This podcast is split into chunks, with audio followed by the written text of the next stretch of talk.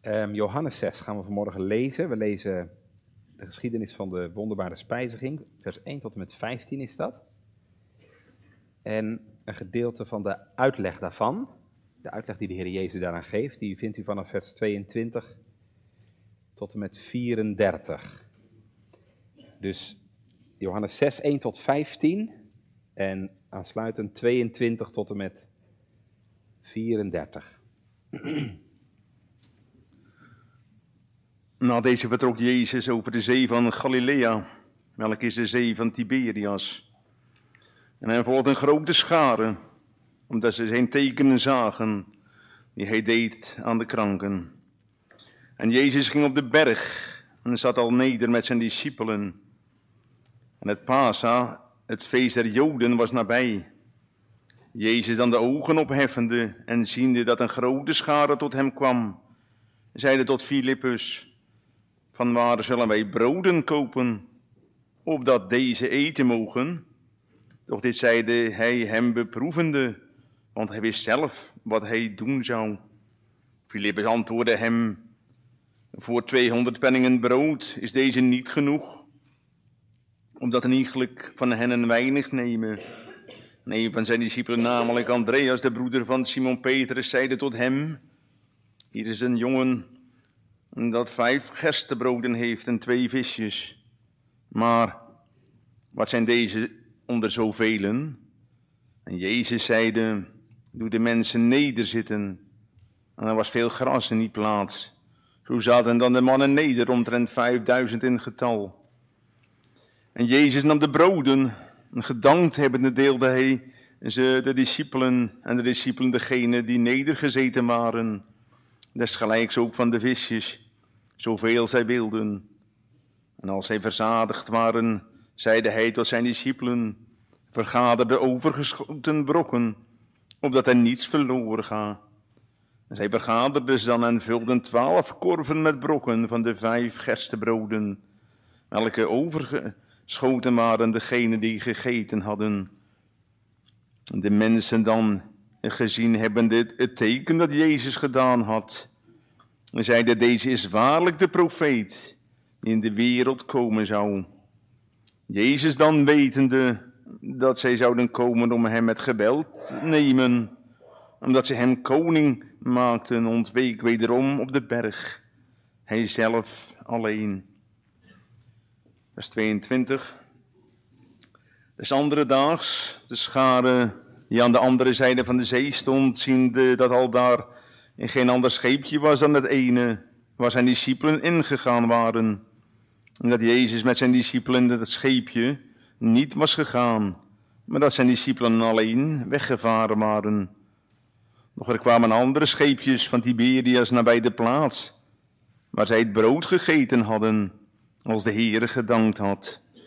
Toen dan de schade zag dat Jezus al daar niet was, en zijn discipelen, zo gingen zij ook in de schepen en kwamen te Capernaum, zoekende Jezus. En als ze hem gevonden hadden over de zee, zeiden zij tot hem, Rabbi, wanneer zijt gij hier gekomen? En Jezus antwoordde hun en zeide, voorwaar, voorwaar zeg ik u, gij zoekt mij, niet omdat gij de tekenen gezien hebt, maar omdat gij van de broden gegeten hebt en verzadigd zijt. Werk niet om de spijs die vergaat, maar om de spijs die blijft tot in het eeuwige leven, welke de Zoon des mensen u geven zal.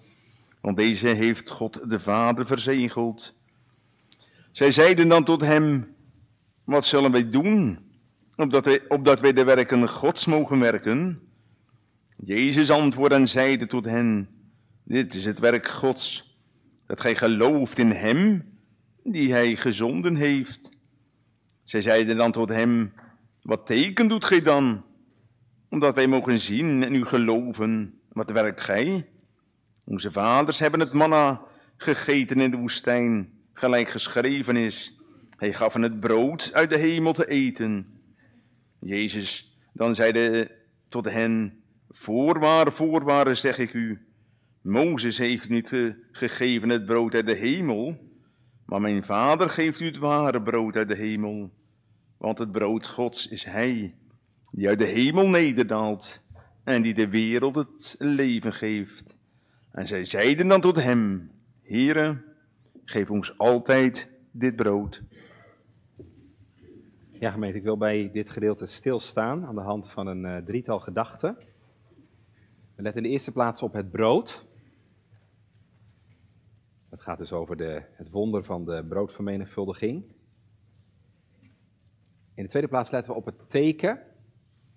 Want dat brood dat staat niet op zichzelf, dat is het teken van Christus zelf, vers 33. Want het brood Gods is hij die uit de hemel neerdaalt en die aan de wereld het leven geeft. En in de derde plaats staan we stil bij het werk dat gedaan moet worden. Vers 29. Dit is het werk Gods, dat gij gelooft in Hem die Hij gezonden heeft. Dus drie kernwoorden, die, drie trefwoorden. Het brood, het teken en het werk. Gemeente, jongens en meisjes. Het gebeurde een aantal jaren geleden in Maastricht. Een auto werd weggesleept. Hij stond fout geparkeerd. De bestuurder kreeg een uh, hoge boete. Maar hij ging er niet mee akkoord met die boete. En bij de rechtbank vertelde hij waarom. Ja, inderdaad, meneer de rechter, er had wel een bordje gestaan en dat had hij ook wel gezien. Maar, zo beweerde hij, hij had het bordje niet begrepen.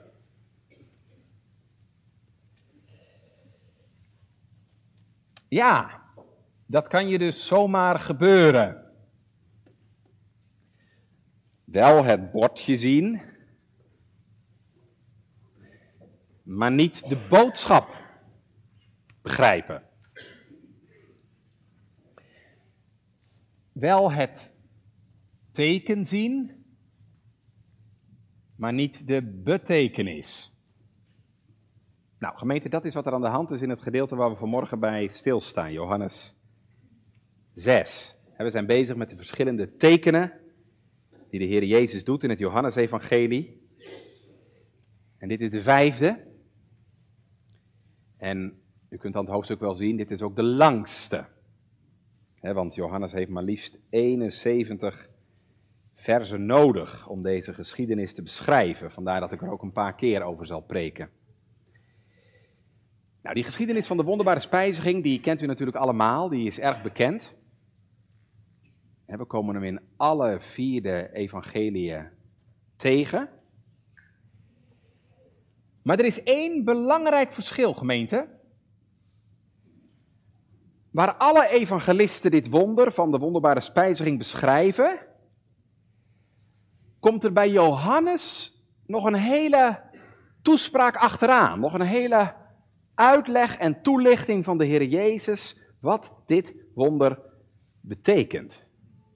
Dus Johannes geeft zogezegd niet alleen maar eh, het wonder, maar hij vertelt ons ook de uitleg van dit wonder, de diepere betekenis van dit wonder. Nou, dat wil ik graag vanmorgen bij elkaar nemen. We gaan eerst kijken naar het wonder van de broodvermenigvuldiging. Dan gaan we kijken naar de uitleg van het wonder. En tenslotte, daar eindigen we daarmee de oproep, het appel dat de Heer Jezus hieraan verbindt. Het brood, het teken en het werk. Dat waren de drie aandachtspunten. Letten we gemeente dus in de eerste plaats op het brood.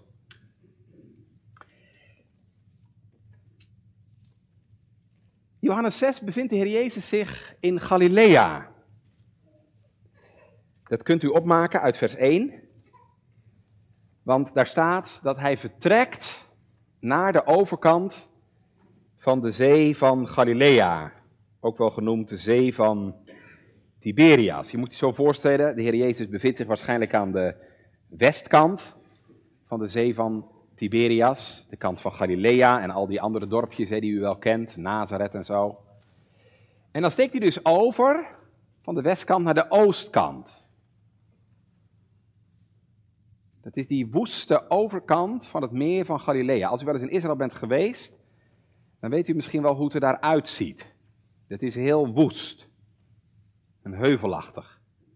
We noemen dat, vandaag de dag heet het de Golanhoogte. Is een mooie tijd van het jaar. Het is voorjaar, april. Het gras is groen. Hoe weet ik dat? Nou, kijk maar even naar vers 4. Daar staat, het is bijna Pascha. En het Pascha, het feest der Joden, was nabij.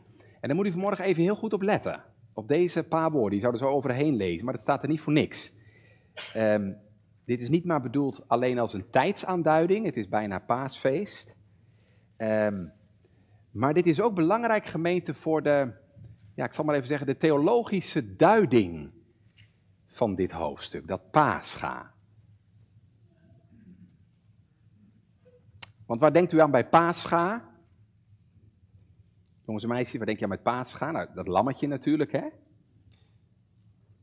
Het vlees van het lammetje dat gegeten werd bij het paascha.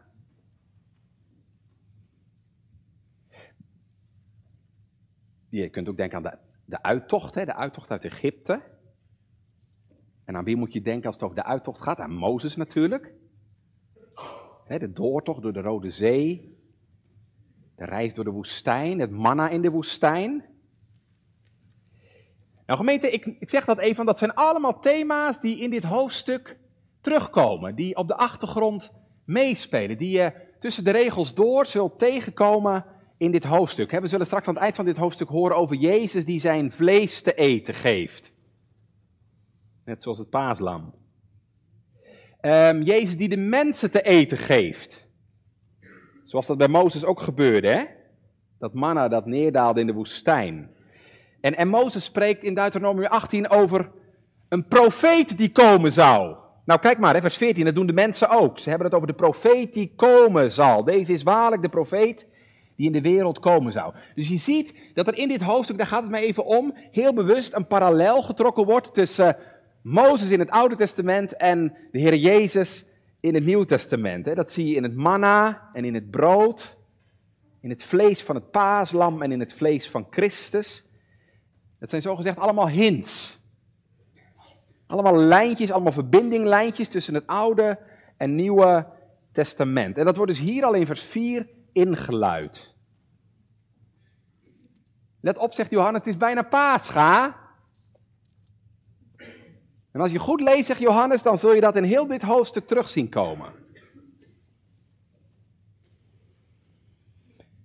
Nou, als Jezus daar dan zit aan de overkant, op de berg, ziet hij in de verte een grote schare aankomen. Die zijn waarschijnlijk niet het water overgestoken, die zijn waarschijnlijk helemaal via de noordkant zo naar hem toegekomen, gelopen. Waarom zijn ze gekomen? Nou, daar hoeven we niet naar te raden, want er staat in vers 2: Hem volgde een grote schare, omdat ze zijn tekenen zagen. Die hij deed aan de zieken, aan de kranken. Dat is even belangrijk. We hebben hier dus niet te maken, gemeente, met heilbegerige mensen. Die verlangen naar een woord voor hun ziel. Mensen die verlangen naar vergeving van hun zonde. Nee, dit zijn mensen die op zoek zijn naar tekenen. Nou, dat hebben we al eerder gezien. Hè? Bij die, die geschiedenis van die koninklijke hoveling zagen we dat ook. Hè? Mensen die op zoek zijn naar het spectaculaire. Die nieuwsgierig zijn naar wonderen. Waar ze ongetwijfeld al het nodige van gezien en gehoord hebben. Hoe reageert Jezus daar nou op? Als hij die grote massa, want het zijn er echt duizenden. Het zijn er echt duizenden. Hoe reageert hij daar nou op als hij die aanziet komen? En dan reageert die gemeente best wel opmerkelijk. Lees even mee, vers 5. Want dan zegt hij tegen Filippus: Filippus, van waar zullen wij broden kopen opdat deze eten mogen? Vindt u dat niet bijzonder? Hij ziet die mensen aankomen en uh, hij begint niet te zuchten. Oh nee, heb je ze daar alweer? Nee, hij ziet die mensen die waarschijnlijk al een hele reis achter de rug hebben. Hij ziet hun honger en hun behoeften. Vind ik heel veelzeggend, gemeente. Dat zegt iets over de Heer Jezus, hè? Zo is nou de Heer Jezus, vol ontferming. Met ontferming bewogen, niet gekomen om gediend te worden, maar om te dienen. Want hij weet nu al dat hij deze mensen straks te eten gaat geven. En hij vraagt aan Filippus, van waar zullen wij broden kopen, opdat deze eten mogen? En dan zegt Johannes erbij, vers 6, hij zei dit om Filippus te beproeven. Om Filippus op de proef te stellen.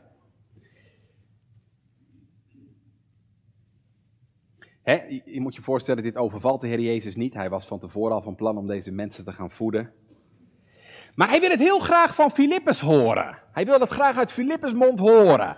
Filippus, hoe, hoe zou dat moeten gebeuren? Weet jij het? En dan zijn we natuurlijk benieuwd, ja, hoe zal Filippus reageren? Zal hij misschien zeggen, maar heren, dat is toch geen probleem? Daar kunt u toch voor zorgen?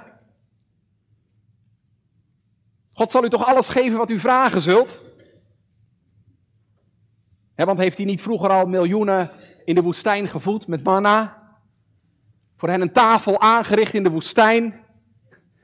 Ja, dat zou een mooi antwoord zijn. Maar helaas, gemeente, is dat niet het antwoord wat Filippus geeft. Kijk maar. Filippus redeneert alleen vanuit zijn ratio, vanuit rationele argumenten. Voor 200 penningen, vers 7, voor 200 penningen brood is deze niet genoeg, opdat ieder een beetje heeft. 200 penningen, dat is veel geld. dat is zo'n beetje twee derde jaar salaris, maar nee, dat is nog niet genoeg, zegt Filippus. En u ziet gemeente, bij eh, Andreas vers 8 gaat het al niet veel beter. Andreas vindt een jongetje met vijf gerstebroodjes en twee visjes. Maar wat zijn deze onder zoveel? Wat stelt dat nou voor? Vijf broden, twee visjes. Filippus toch? Andreas, toen nou! De Jezus heeft water tot wijn gemaakt. Net hiervoor nog in hoofdstuk 5 een blinde genezen. Waar is nou jullie geloof? Het is toch Jezus? Wat zou ooit zijn macht beperken? Het heelal staat onder zijn gebied. Ja, gemeente, misschien moeten we toch nog even wachten hoor. Heeft u wel eens te maken gehad met onmogelijke dingen in uw leven?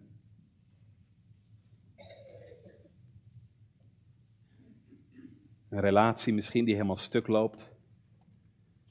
Een huwelijk dat op de klippen loopt.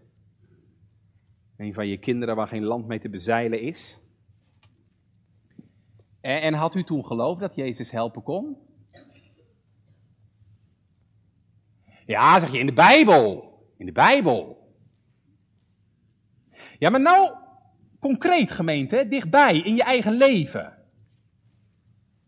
Die, die verslaving van je. Die grote financiële zorgen. Gelooft u dat Jezus helpen kan? Ik heb situaties in mijn leven meegemaakt, gemeente, waar ik in mijn eigen hart ontdekte dat ik eigenlijk niet kon geloven dat de Heer uitkomst kon geven. Wat een ongeloof.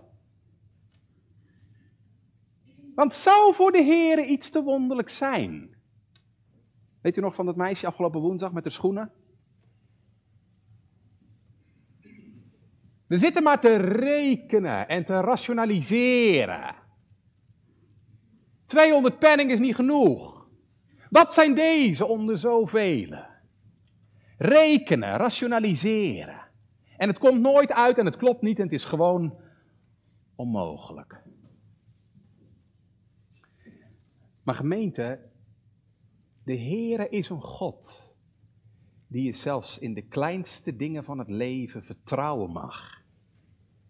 Voor wie uw kleinste nood niet te groot is. Gemeente, het is nooit Gods gebrek aan mogelijkheden. Het is meestal ons gebrek aan geloof. Om de Heer zelfs nog maar voor onze kleinste noden te vertrouwen. altijd maar weer het zelf willen doen en het zelf proberen op te lossen. Die Filippus en Andreas gemeente, die zitten ook in jouw en mijn hart. Ziet u dat? Ja, en dan neemt Jezus weer het woord. Die, die goede herdergemeente blijkt ook een goede organisator. Zie je dat? Want hij zegt, laat de mensen neerzitten. En als ze dan gaan zitten, alleen de mannen, hè, alleen de mannen al 5000. Dus met vrouwen en kinderen erbij moet je toch al gauw rekenen op 15, 20.000 mensen hier. Neemt hij dat brood, breekt het en deelt ze de discipelen. hey, valt u iets op? Als ik dit zo zeg? Als je dit zo hoort, hè? Moet, moet je dan niet onwillekeurig aan wat anders denken?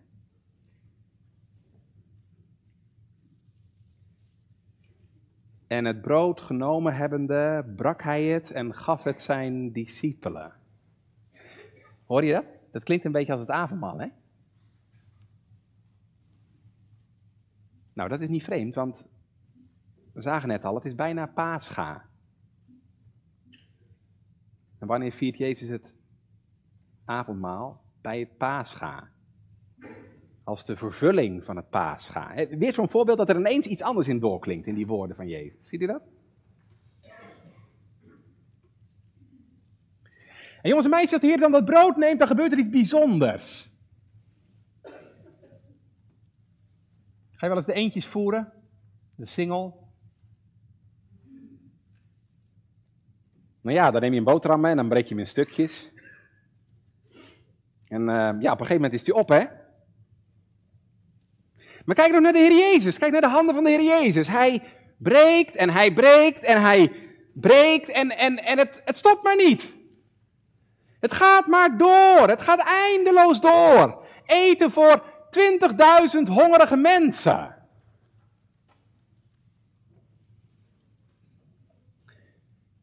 Er zijn drie dingen, gemeente, die mij opvallen. Kijk even mee. Drie dingen die me opvallen. Het eerste wat opvalt, Jezus doet het niet alleen. Ziet u dat? Hij breekt dat brood en geeft het vervolgens aan de discipelen. Dus hij is weliswaar de bron, maar hij gebruikt er ook anderen bij. En dit is heel tekenend voor hoe de Heer Jezus werkt. Hij is de bron, maar hij gebruikt er anderen bij. Die discipelen mogen doorgeven, die hebben zelf natuurlijk niks, maar die mogen doorgeven wat ze van hem ontvangen hebben. En gemeente, zo werkt de Heer nog. Als je de Heer Jezus mag kennen, dan geeft Hij je dingen die je door mag geven. Ze zijn niet van jezelf en je mag ze ook niet voor jezelf houden. Je mag ze doorgeven. Aan je kinderen misschien, of aan andere mensen die niet geloven. dat is wat wij dominees hier staan te doen. Wij buigen door de week onze knieën en wij vragen onze meester, meester, hebt u iets voor ons? Geef me alstublieft iets wat ik door mag geven, zondag. Tot troost en bemoediging van uw kinderen, tot vermaning en bekering van hen die u nog niet kennen. Heer, een goed woord van u. Ik heb het niet, ik kan het niet. Wilt u het me geven? En dat ik het door mag geven. Zo zijn we, zegt Paulus, uitdelers van de menige genade Gods. Dan is de Heer zo goed gemeente dat hij dat nog doet ook. Na 19 jaar preken. De Heer me niet laten staan. Soms zit er heel veel van jezelf bij, helaas. Maar soms mag je ook ervaren dat alles van jezelf wegvalt. En dat de Heer door je heen spreken wil. En wilde werken in harten en levens van mensen. Soms als je het zelf niet eens wist. Zo'n goede meester is hij. Nou, dat is het eerste. Hij maakt gebruik van mensen. Vraag of hij ook jou gebruiken wil. Tweede wat we hier zien, gemeente, is de ongelooflijke macht van Jezus. Ziet u dat? De ongelooflijke macht van Jezus. In het hoofdstuk hiervoor geneest Jezus een verlamde. Maar, maar dit is eigenlijk nog groter. Kijk, bij een genezing maak je iets heel wat stuk was. Maar hier maakt Jezus iets wat er niet was. er staan straks twaalf manden met brood, dat er eerst niet was. Zie je, Jezus schept iets nieuws. Hij maakt wat er eerst niet was. Hij roept de dingen die niet zijn alsof ze waren. Dat is de macht van Jezus. En gemeente, dat doet hij nog. Hij schept bijvoorbeeld nieuw leven in mensenharten. Is dat geen hoopvolle boodschap? Kijk naar jezelf. Kijk naar jezelf. Je hart is dood, onwillig, ongevoelig van nature voor de dingen van God. Dat is toch hopeloos? Je krijgt dat nooit op de rails. Maar zou hij er geen raad mee weten? Ja, natuurlijk. Hij is de scheppende God. Die spreekt en het is er, die gebiedt en het staat er. Die de dingen die niet zijn roept alsof ze waren. Dus je mag veel verwachting van Jezus hebben. Want hij heeft alle macht in hemel en op aarde. Dat zie je hier. En het derde wat mij opvalt, gemeente, ziet u de overvloed. Wat een overvloed. Ze hebben allemaal gegeten. Zoveel ze konden. En dan is het er nog over ook. Twaalf volle manden. Wat zegt dat? Dat zegt ons gemeente dat Jezus niet karig is. Nee, de Heer is een God van overvloed. Er is bij de Heer gemeente een overvloed aan genade. Genade overvloeiende voor de grootste van de zondaren. Er is bij hem een overvloed van leven. Ik ben gekomen opdat ze leven en overvloed hebben. Is bij hem een overvloed van kracht. Voor zwakke mensen. Mijn genade is u genoeg. En mijn kracht wordt in uw zwakheid volbracht. Denk nooit dat er bij Jezus geen overvloed is. Het is meestal dat wij zo weinig verwachting van Hem hebben.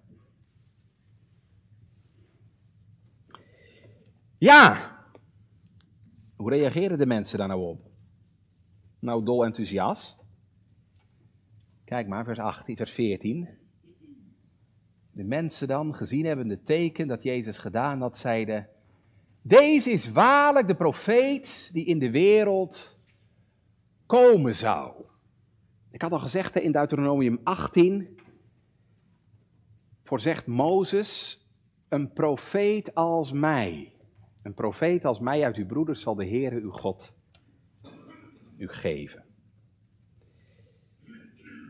En op grond van die profetie van Mozes, eeuwenlang geleden, verwachten de Joden dat de Messias straks, net als Mozes, wonderen zou doen.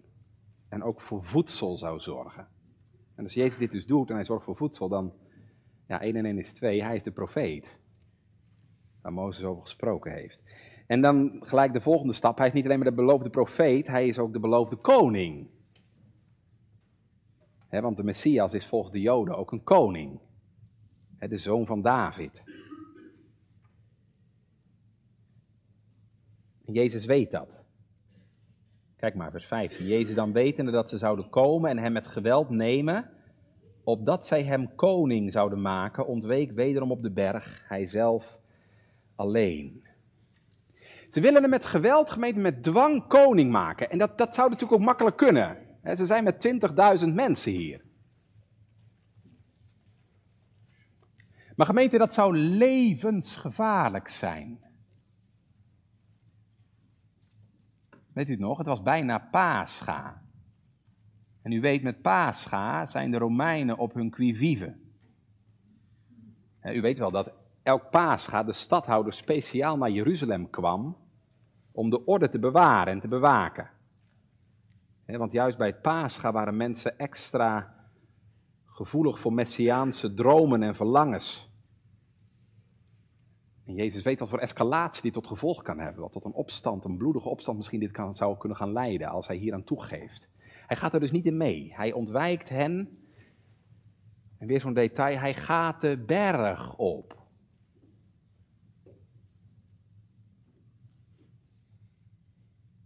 Wie ging er ook de berg op?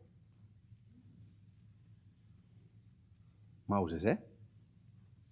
Hij ging de berg op om de tien geboden te ontvangen. Weer zo'n verwijzing. Nou, gemeente, tot zover onze eerste gedachte, het brood. Dan slaan we even een stukje over, dat is het uh, stukje dat Jezus over de zee wandelt. En dan gaan we naar de volgende dag. Want dan gaat de Heer Jezus de uitleg geven bij dit wonder.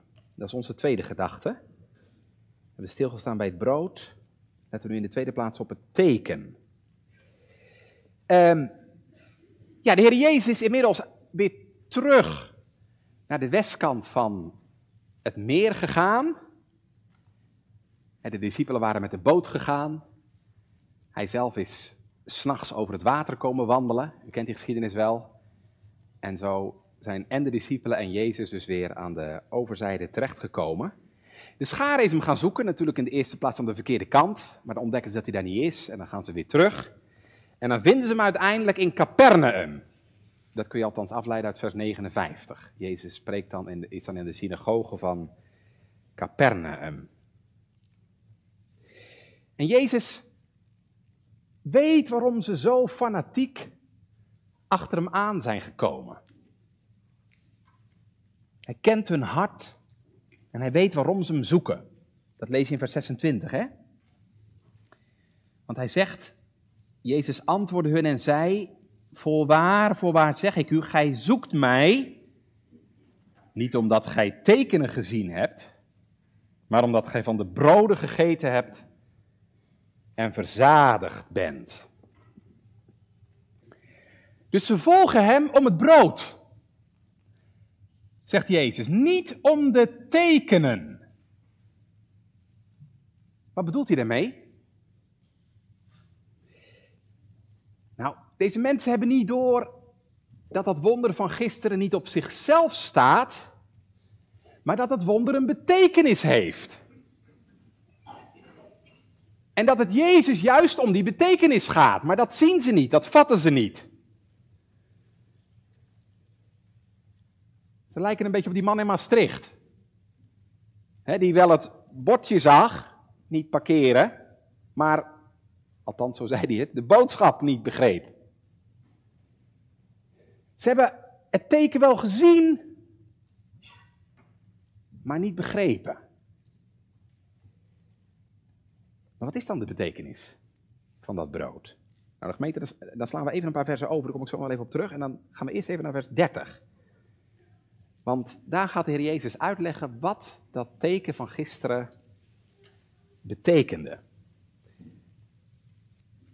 Dan lezen we in vers 30, zij zeiden dan tot hem, wat teken doet gij dan, opdat wij het mogen zien en u geloven?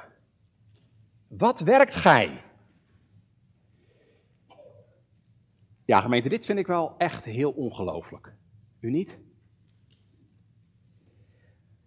Wat voor teken kunt u voor ons doen, zodat wij het zullen zien en geloven?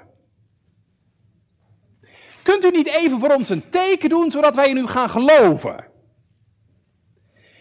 Heb je net de dag ervoor gezien hoe Jezus uit vijf broden en twee visjes 20.000 mensen gevoed heeft? En dan ijskoud durven vragen, kunt u misschien een teken laten zien, zodat we misschien in u zullen gaan geloven? Je moet het maar durven. Alsof je Max Verstappen vraagt, kun je, kun je misschien even laten zien of je kunt autorijden? Terwijl je wereldkampioen bent.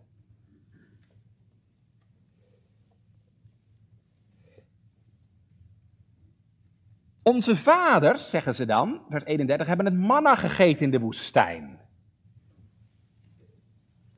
En u? Wat doet u? En zie je weer die parallel hier hè, met Mozes. Mozes gaf ons manna. En u? Wat geeft u? Maar dan corrigeert Jezus hen.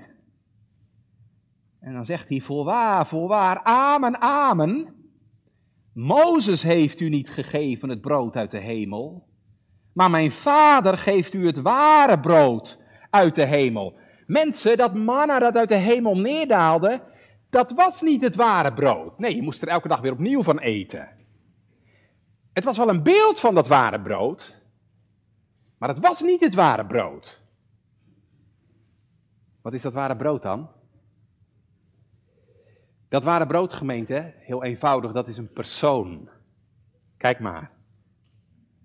Vers 33, want het brood van God is Hij die uit de hemel neerdaalt en die de wereld het leven geeft. Dus gemeente, dat manna, eeuwenlang geleden in de woestijn, dat was een beeld van wat de Heer eeuwen later zou doen toen hij zijn eigen zoon in de kribbe van Bethlehem neerlegde. En dat brood dat gisteren zo overvloedig gebroken is en waar iedereen van mocht eten, dat was een beeld van de zoon van God zelf. Hij is uit de hemel neergedaald. Hij is als het brood van God neergelegd in de kribbe van Bethlehem. Bethlehem, broodhuis betekent dat, hè? En zoals gisteren het brood gebroken werd, zo wordt hij straks verbroken. Zo zal hij het straks zeggen aan het eind van dit hoofdstuk. Alleen door zijn vlees te verbreken en zijn bloed te vergieten, kan hij leven geven. En dat wat we in deze lijdenstijd weer horen mogen. Hoe Christus juist door de dood te sterven, ons het leven weer geven kan. Het leven in je ziel en leven tot in eeuwigheid. Dan is ook de belangrijke vraag voor de mensen toen en voor de mensen vandaag.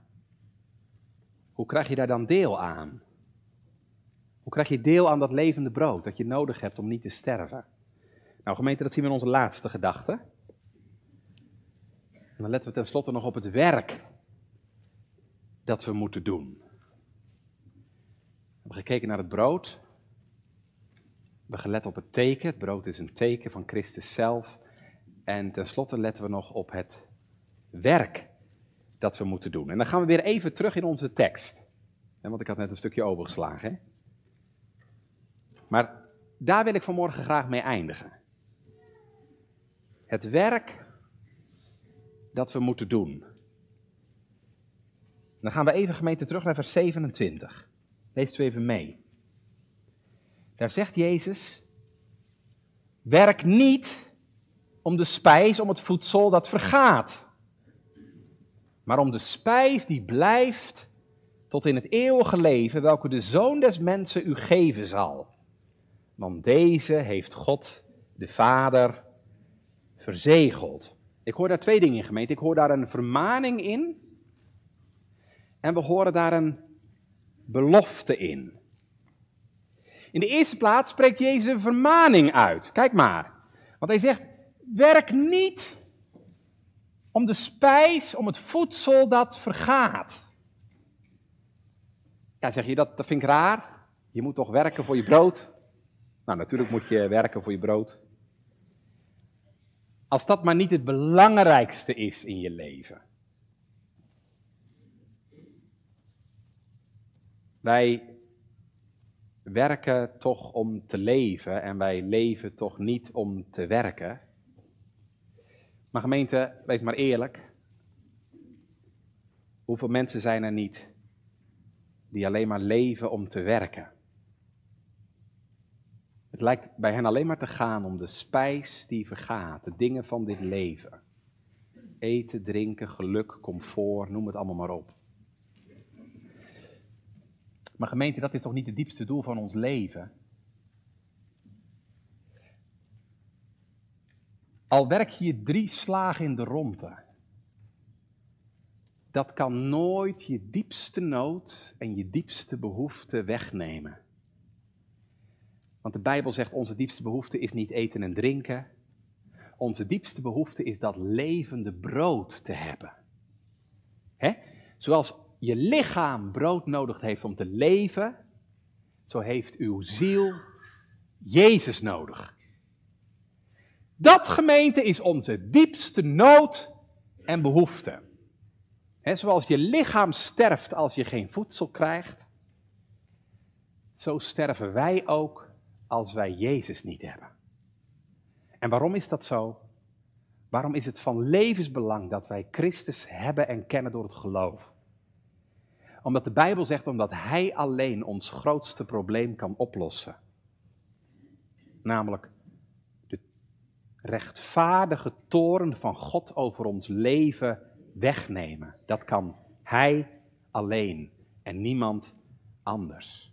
Ons avondmaalsformulier zegt dat zo indrukwekkend, we zullen het volgende week lezen. Hij heeft door zijn dood en bloedstorting de oorzaak van onze eeuwige honger en kommer, namelijk de zonde, weggenomen. Dat heeft Hij gedaan. door zijn lichaam te laten verbreken, zijn bloed te vergieten, heeft hij het rechtvaardige oordeel van God over de zonde weggenomen. En daarom deze oproep, deze vermaning, werk niet om de spijs die vergaat, maar om de spijs die blijft tot in het eeuwige leven. En dat is Hij zelf. Hij is die spijs die blijft tot het eeuwige leven. En daarom gemeente, zoek Christus te kennen. Zoek Christus te hebben. Al zal je lichaam misschien sterven van de honger, maar je hebt Jezus. Dan is er werkelijk helemaal niets verloren. Maar als je sterft zonder Jezus, ben je eeuwig verloren. Dan lijdt je eeuwig honger. Maar de Jezus blijft niet steken in de vermaning alleen, hij doet ook een belofte. Kijk maar. Hij belooft namelijk dat hij die spijs, die blijft tot in eeuwigheid, dat hij die geeft. Want hij zegt, kijk maar, welke de zoon des mensen u lieden geven zal. Aan wie? Geven? Nou, aan u. Aan u lieden. Wie zijn dat?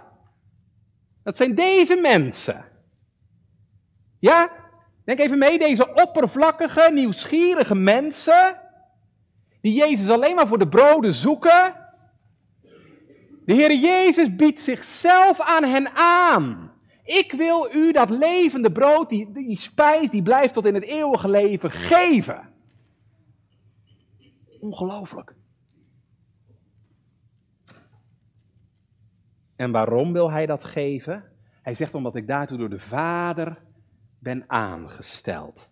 Want deze, en dat is hij zelf, want deze heeft de Vader verzegeld. En verzegeld betekent dat God de Vader, als het ware, zijn stempel heeft gezet op de Heer Jezus. Zijn zegel heeft gezet op de Heer Jezus. En daarmee gezegd heeft, deze is het. Deze heb ik aangesteld tot zaligmaker en redder der wereld. Tot het levende brood. Dus Jezus zegt tegen deze mensen, omdat mijn vader mij daartoe aangesteld heeft, omdat hij mij als het ware brood naar deze wereld heeft gezonden, kan ik jullie het eeuwige leven, die spijs die blijft tot een eeuwigheid, geven en schenken. Ja, wat moeten we daarvoor doen dan? Vragen de mensen.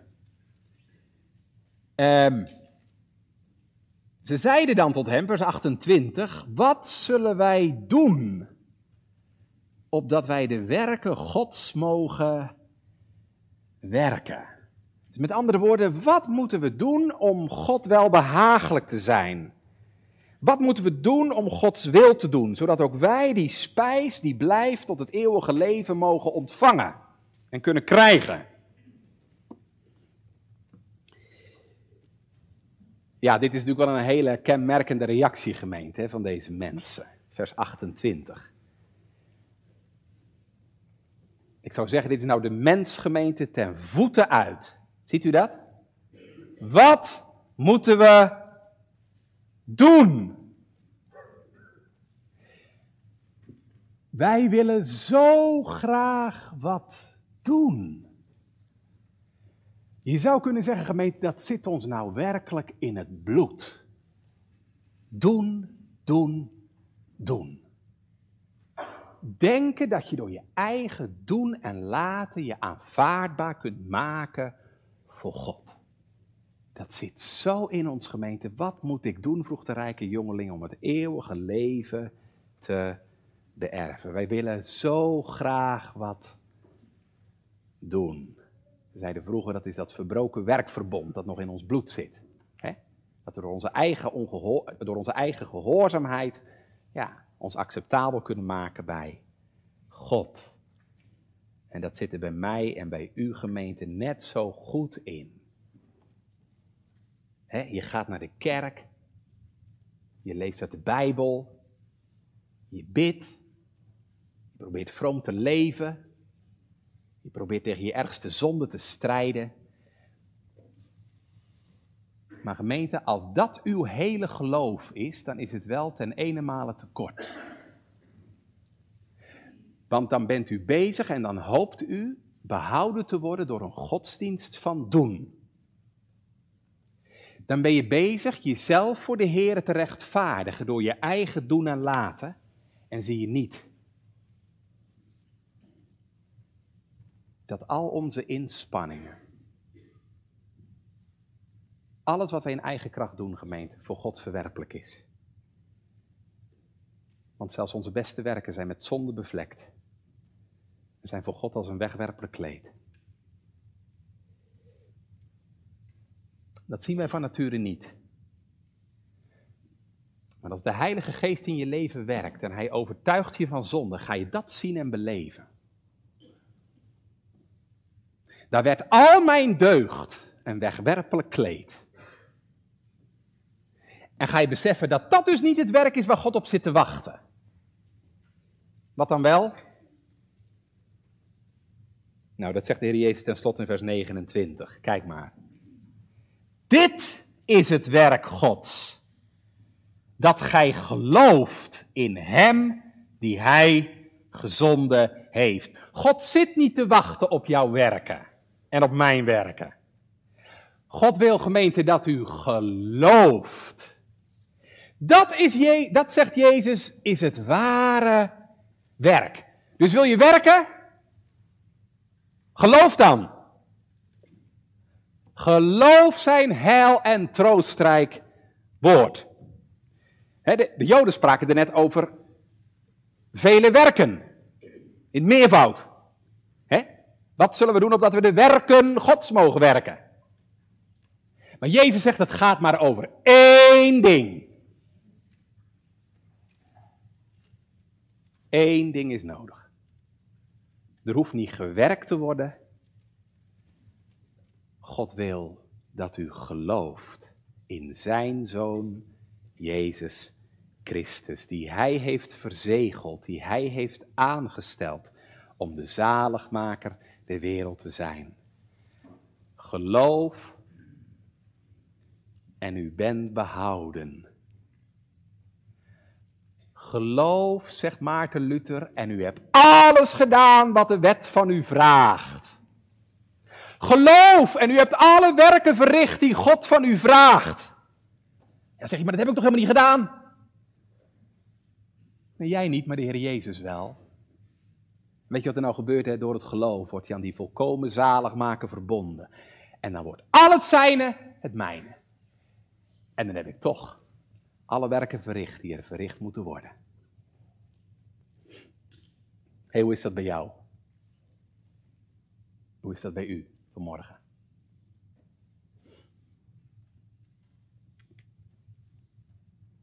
Werk je nog om de spijs die vergaat? Of werk je om de spijs die blijft?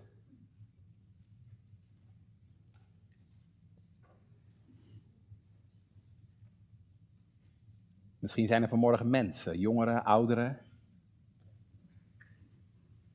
die zich drukker maken voor hun werk en voor hun studie, dan dat ze zich, drukker, dat, dan dat ze zich druk maken om de spijs die blijft. Laat ik dan nogmaals zeggen, hoe hard je ook werkt, daar wordt je diepste nood niet door weggenomen.